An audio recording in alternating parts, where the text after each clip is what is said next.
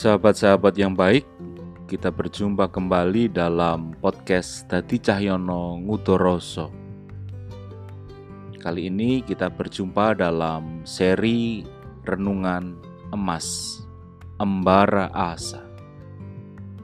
Renungan kali ini berjudul Bekerja dengan Sukacita dengan teks diambil dari Matius 20 ayat 1 sampai 16. Sahabat-sahabat yang baik, berikut ini adalah gaji per pekan yang diterima oleh pemain klub Barcelona Spanyol pada musim lalu. Arturo Vidal dia menerima gaji 3,09 miliar. Sekarang ia bermain untuk klub Inter Milan Italia. Gerard Pique dia mendapatkan gaji 4,4 miliar. Luis Suarez dia bergaji 8,04 miliar. Sekarang dia merumput untuk klub Atletico Madrid. Antoine Griezmann dia mendapatkan gaji 15,7 miliar. Sang mega bintang Lionel Messi dia mendapatkan gaji 24,2 miliar. Semuanya dihitung per pekan. Mungkin kita bertanya, mengapa gaji mereka berbeda-beda?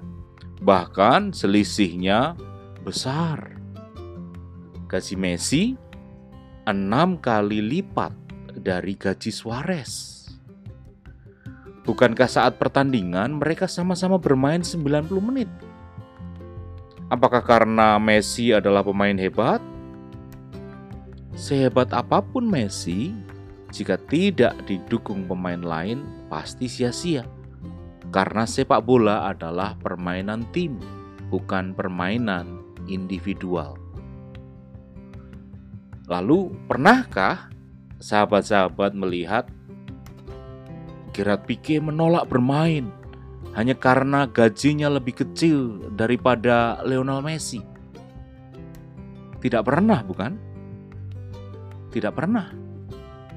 Bagi seorang pesepak bola profesional, dipilih untuk bermain dalam sebuah pertandingan adalah berkat dan kesempatan untuk menampilkan, menunjukkan permainan terbaiknya. Jika tidak, bisa jadi pada pertandingan berikutnya pelatih akan memilih pemain yang lain. Karena jumlah pemain bola dalam sebuah klub biasanya lebih dari 11 orang.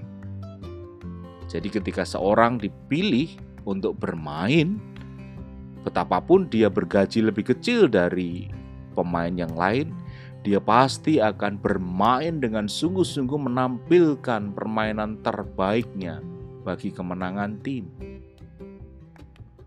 Sahabat-sahabat yang baik, meskipun tidak sama persis, teks Matius 20 ayat 1 sampai 16 juga mempercakapkan hal yang senada dengan situasi perbedaan gaji di klub kota Katalan itu.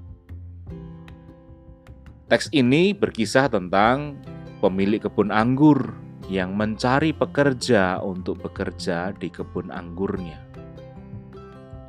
Dia mencari bekerja dan mendapatkan. Tapi kemudian ia diprotes oleh pekerja.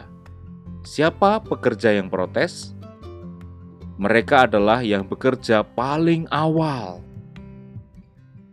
Mereka protes karena Menurutnya, pemilik kebun anggur itu tidak adil dalam memberikan upah.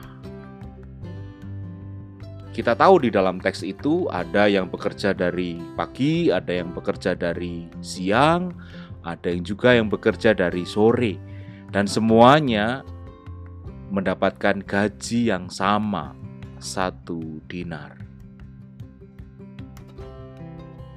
Pekerja yang protes itu lupa bahwa dari awal sudah ada kesepakatan mengenai berapa upah yang akan diterima.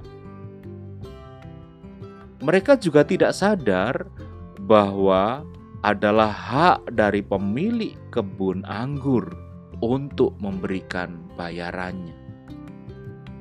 Dan yang lebih mendasar lagi, mereka lupa bahwa sesungguhnya mereka adalah pengangguran yang kemudian diberi kesempatan untuk bekerja. Kalau tidak ditawari pekerjaan oleh pemilik kebun anggur, mereka tetap pengangguran, tidak mendapatkan upah. Sahabat-sahabat yang baik, kadang tanpa kita sadari, kita sama dengan para pekerja yang protes itu. Kita merasa Tuhan tidak adil atas hidup yang kita jalani. Kita merasa lebih menderita dari orang lain. Kita merasa melakukan pekerjaan yang lebih berat dari orang lain, sehingga merasa berhak untuk mendapatkan imbalan yang lebih. Tak jarang kita juga merendahkan orang lain karena merasa kitalah yang paling penting dan harus diutamakan. Kita lupa bahwa pekerjaan, tugas, tanggung jawab, bahkan hidup itu adalah milik Tuhan. Seharusnya kita bersyukur ketika Tuhan memberi kesempatan kepada kita untuk bisa menjalani hidup dengan segala dinamikanya. Di dalam hidup itulah kita diberi kesempatan untuk berkarya.